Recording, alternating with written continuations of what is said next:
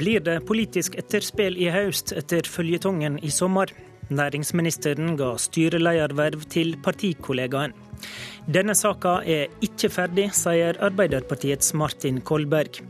Ikke kast bort tida, vi har alle realitetene nå, svarer Høyre. Fortvil ikke over at det er høst, for da er Politisk kvarter tilbake. I dag spør vi også om den mest omtalte studieturen i sommer egentlig er et politisk røykteppe. Men den heiteste politiske saka i sommer har altså vært næringsminister Mæland, som ga styreledervervet i Statkraft til tidligere regjeringskollega og Høyre-venninne Toril Vidvei. Var det ei vennetjeneste til en tidligere kollega, eller var det en reell prosess med flere kandidater? Før helga konkluderte Lovavdelinga i Justisdepartementet med at Mæland ikke er inhabil i sitt forhold til Vidvei. Veit du da det du trenger å vite i denne saka, Martin Kolberg, leder i kontrollkomiteen fra Ap? Ja, Jeg registrerer jo at Høyre veldig tydelig sier nå at alle realitetene ligger på bordet.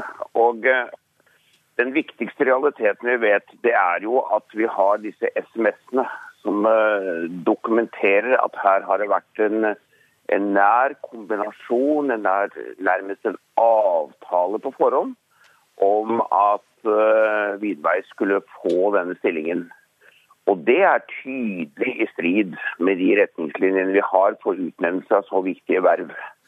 Og uh, Hvis det viser seg å være riktig, så er det veldig alvorlig. Og eh, Det som eh, jeg kommer til å ta initiativet til nå, det er jo at jeg vil kontakte de andre medlemmene i kontrollkomiteen for å høre deres syn på om det er nødvendig at vi har et møte om ikke lenge for å drøfte om vi skal åpne sak eh, i forbindelse med dette. Fordi det er også en annen side ved dette som ikke er klarlagt, og det er jo statsministerens rolle. Og jeg mener at eh, hun ikke har redegjort for den på en fyllestgjørende måte. Mhm. Og det er helt nødvendig også å få gjort før vi eventuelt kan lukke denne saken. Erik Skutle, medlem i kontroll- og konstitusjonskomiteen eh, fra Høyre, og med oss eh, i studio fra Bergen. Når Kolberg da samler komiteen til møte og spør om det er nødvendig å gå videre i denne saka, hva er ditt svar da? Da er mitt svar at det ikke er nødvendig. Så må jeg si at det er fint at Kolberg nå har moderert seg fra en veldig bastant linje til å si at vi nå skal drøfte saken. Det, det syns jeg er bra. Eh, men vi mener jo fortsatt at eh, vi kan legge denne saken død.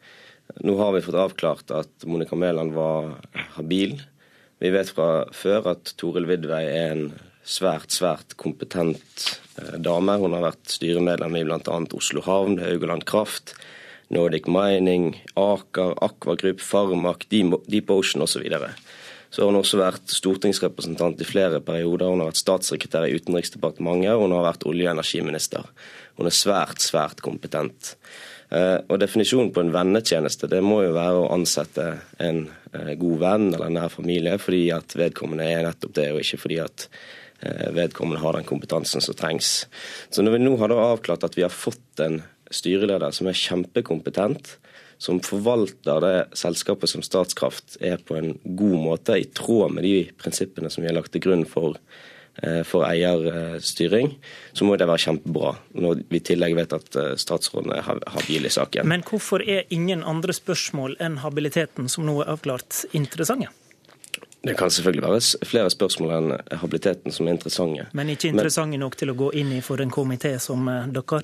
Nei, fordi at vår komité har i realiteten én oppgave når det gjelder det å kontrollere. Vi skal sjekke om statsråden har gjort det Stortinget har bedt statsråden om å gjøre. Og det vi har bedt statsråden om å gjøre, det er å finne kompetente folk til styrene i de, i de statlige eide selskapene. Men hvis det er avtalt spill, så er det i strid med retningslinjene, sier Kolberg. Ja, Det er jo ikke riktig. Eh, for det første så skriver jo Mæland i sitt svar til Vidvei i disse SMS-ene som, som nå er ute at eh, god morgen, saken om styret er på vei opp til meg i form av et SF-notat som skal oversendes til Finansdepartementet SMK for fullmakt. Som svarer jo at her er det en eh, prosess, Og så sier, har jo også Mæland sagt i, i, offentligheten at her har det vært en reell saksbehandling. Der er, har vært flere kandidater som har vurdert. Departementet har jobbet med saken sin før nyttår. Og det vil jo være helt uhørt om man driver og drøfter andre aktuelle navn i offentligheten som nå ikke nådde opp i i denne omgang. Og Dessuten så er det også sånn at hvis, eh, selv om eh, Mæland er tydelig på at det har vært en eh, andre kandidater har vurdert, og det har vært en helt rutinemessig prosess i departementet, så er det tross alt eh, næringsministerens prerogativ å velge styreledere i de statlige selskapene. Kolberg, statsråden er i sin fulle rett, sier Skutle, til å peke ut den hun mener er skikka til å være styreleder. Hvorfor er det da viktig å finne ut når hun bestemte seg? Nei, det er klart hun er det. Og jeg har aldri bestridet at Vidvei er kompetent til dette vervet. Jeg har aldri sagt noe negativt om det. Det vi imidlertid ikke kan ha, det er at man gjør avtaler med venninner om at de skal få en slik stilling på et tidligere tidspunkt. Jeg hører hva Skutle nå sier om den ene SMS-en. Men SMS-en fra Vidvei til statsråden gir jo en tydelig indikasjon på at her foreligger en avtale på et veldig tidlig tidspunkt. Men, men, men for, for, å gå helt grunnleggende til verks, Kolberg, hvorfor er det eventuelt problematisk når statsråden er i sin fulle rett til å utnevne styreleder? Nei, det, det, problematiske er at Høyre ved mange korsveier har angrepet Arbeiderpartiet langs det samme sporet. De har sagt at dette var partipolitikk. De har sagt at de skulle renske Arbeiderpartiets partiutnevnelser ut av statsadministrasjonen. Så det er viktig fordi dere skal ta Nei. igjen, da altså? Nei, det viktige er å sørge for at regjeringen følger Stortingets vedtak. Og Stortingets vedtak er at det skal være reelle prosesser knyttet til dette. Det er det det, det, er det, det handler om. Skutle, det skal være re ja, la Skutle svare på det. Det skal være reelle prosesser. Ja, og det sier jo Mæland at det har vært. Og da, og da skal vi bare tro på det, og ikke undersøke det? Altså, vi kan, vi kan, ikke på Stortinget bruke tiden vår på alle mulige konspirasjonsteorier som, som finnes der ute. Men har, har ikke vi en kontrollkomité for å undersøke at regjeringa faktisk utøver makta si på riktig måte, da? Ja, men det har jo regjeringen gjort. Her har Mæland vært habil. Og så uh, har vi fått en meget kompetent uh, styreleder, som, er, som, er, som jo er det viktigste i denne saken. Det er jo det som er det viktigste for Stortinget. At vi forvalter vår felles, felles formue på en måte som kommer storsamfunnet til gode. Og Det gjør man med å få kompetente styremedlemmer. Nå har man fått ny styreleder og tre nye styremedlemmer også, og et svært svært kompetent styre som kommer til å være veldig godt for, for Statskraft og for, og for, de offentlige finansene. Men det må jo også legge til, programleder, at det er jo veldig spesielt å høre Martin Kolbergs begrunnelse i denne saken. Han sier det fordi at vi når vi satt i opposisjon, påpekte eh, at det var eh, måtte man se, se, nærmere på Giske sine utnevnelser av barndomsvenner som styreleder, og eh, Jonas Gahr Støre sin eh, millionbevilgning til Tschudi osv., som selvfølgelig var helt riktig å grave i. Så skal Arbeiderpartiet nå ta igjen. Du får svar på det til slutt. Og, og det, er, det er jo veldig interessant at det er hovedbegrunnelsen til Arbeiderpartiet i den saken. Det er ikke hovedbegrunnelsen. Hovedbegrunnelsen er realiteten i saken. Det er akkurat det som vi nå har påpekt, og som vi har fått langt på vei dokumentert. Jeg kaller det for indikert.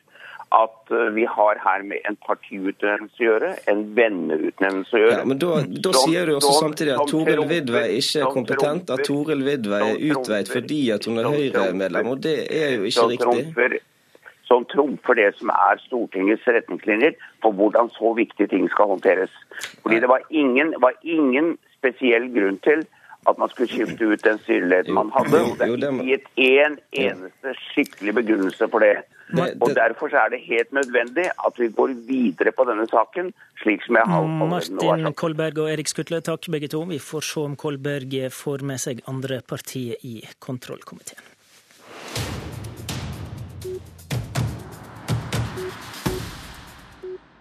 Så til sommerens mest omtalte studietur. Venstre-leder Trine Skei Grande og FrPs partileder og finansminister Siv Jensen har vært i Canada for å se på hvordan en kan innføre miljøavgifter i bytte mot skattelette.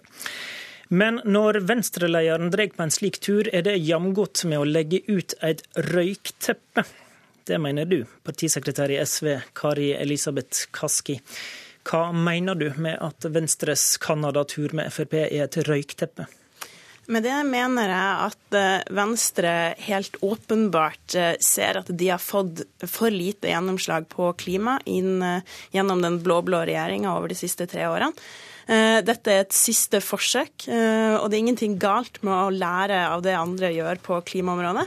Men det er et siste forsøk på å legge press på regjeringa åpenbart for å få til ting på klima, men jeg er redd for at de manglende konkrete kravene fra Venstre og Venstre-leder Trine Skei Grande vil bidra til at vi vil få nok et statsbudsjett i høst som ikke leverer nødvendig på klima. Men hun har jo kravd offentlig at neste statsbudsjett skal være tidenes klimabudsjett. Er ikke det da smart å reise med nettopp finansministeren på tur for å se på mulige modeller?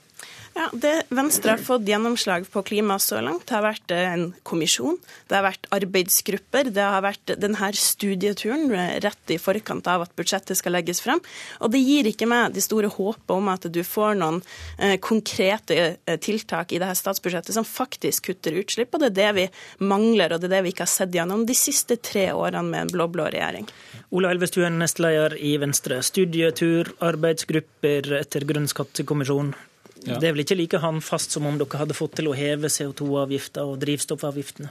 Ja, Nå har vi jo gjort det også i denne perioden. Både miljø, miljø Mineraloljeavgiften, dieselavgiften, er jo blitt heva i de tidligere årene. I år innførte vi miljøavgift på flyreiser. Vi har redusert på biodiesel. Man har fått en innblandingskrav for biodiesel. Du har lagt, gjort det konkurransedyktig med biogass. Men jeg skjønner jo ikke helt hva, hvor denne kritikken fra SV kommer ifra. For er det noe vi har hatt gjennomslag på, så er det jo klimapolitikken. Vi har jo nettopp eh, også fått Vi skal redusere utslippene med 40 fram mot 2030. Vi har en enighet om at vi skal gjøre dette sammen med EU. Eh, vi, I vår så hadde vi en energimelding hvor vi satte helt tydelige målsettinger om at du bare skal selge nullutslippskjøretøy fra 2025. Dette skal være førende i det arbeidet som kommer framover. Vi skal ha en ny avtale med Enova hvor dette må være førende for å få et distribusjonsnett, biodiesel, ladestasjoner. Men Elvis, Elvestuen, nå høres du jo ekstremt fornøyd ut med gjennomslaget, men nå har jo andre vi i NRK gitt din partileder solid merksomhet for denne turen. Og har Kaski kanskje et poeng i at denne reisa bidrar til å gi et litt bedre videre inntrykk av hva dere får til med Frp, enn dere faktisk gjør? Men dette er arbeidet for å gjøre de neste store stegene. For det er helt klart at når vi skal redusere med 40% mot 2030, det meste av dette må tas innenfor transportsektoren, så må du jo ha en helt annen systematikk og planlegging for å få det til. Du må se utover det som er det enkelte mm. statsbudsjett. det er det dette er. Dette handler om at du må få en helt annen systematikk inn i Nasjonal transportplan, inn i det arbeidet som du skal gjøre framover. Og så er det et vesentlig poeng og forskjell fra SV er jo at dette er jo et system for å ha et grønt skatteskifte ikke bare økninger, men du skal også redusere skatter og avgifter. Altså, noe jo har, SV virkelig som, aldri har gått inn for. Det er også sånn vi har holdt på de siste årene. Vi ser at etter den blå-blå regjeringa kom til makta, så har man ikke videreført det grønne skatteskiftet fordi man har vært uenig om at man faktisk må øke miljøavgiftene. Og de avgiftene som du trekker fram, har altså ikke bidratt til å fortsette den enorme veksten i elbilsalget som vi fikk til under rød-grønn regjeringa. Vi ser at elbilsalget nå flater ut. Vi ser ser at utslippene øker. Og det er flott å få på plass en avtale i Paris, det er flott å få på plass en avtale med EU, men det bidrar altså ikke til at vi når klimaforliket, som er det nærmeste klimamålet som vi har i 2020. Så jeg er alvorlig bekymra for at vi nå, nok et statsbudsjett, eh, kommer til å bli et statsbudsjett som ikke leverer på klima, og det er det siste statsbudsjettet fra denne regjeringa. Og Trine Skei Grande sa, sjøl i sommer at det var ikke godt nok levert på de tidligere statsbudsjettene, og da bekymrer det meg at man ikke greier å være mer konkret på hva det her statsbudsjettet må levere på. Vi har gjort mye når det gjelder å tilrettelegge for alternativene. Og Et av de tingene som jo også er i British Columbia, hvor det har vært, er jo at dette skatteskiftet har en stor støtte i befolkningen. Så det vi vil se på, hvordan øker du avgifter? For nå har vi jo innført på flyreiser, vi har på mineral, mineral mineraloljeavgift. De som har vært de største motstanderne mot dette på Stortinget, har jo vært eh, SV sine partnere i Senterpartiet og Arbeiderpartiet. Ja, og KrF og nå, også ønsker jo å gå tilbake på mineraloljeløftet, men det har ikke vært Og Nå må du også se på hvordan du får til skattelette. Nå har vi gjort det også i denne perioden. I SV sitt forslag for statsbudsjett i 2017, nei, 2016 så hadde man altså rene skatteøkninger i størrelsesorden 23 milliarder kroner. Man har aldri gått inn for en reduksjon. Vi hadde en fordelende Hallo, som er det helt store Tida poenget med løper fra denne oss. Med dette erklærer vi at den politiske høsten er i gang. Vi får se om studieturen får effekt når statsbudsjettet blir lagt fram. I studio, Håvard Grønli.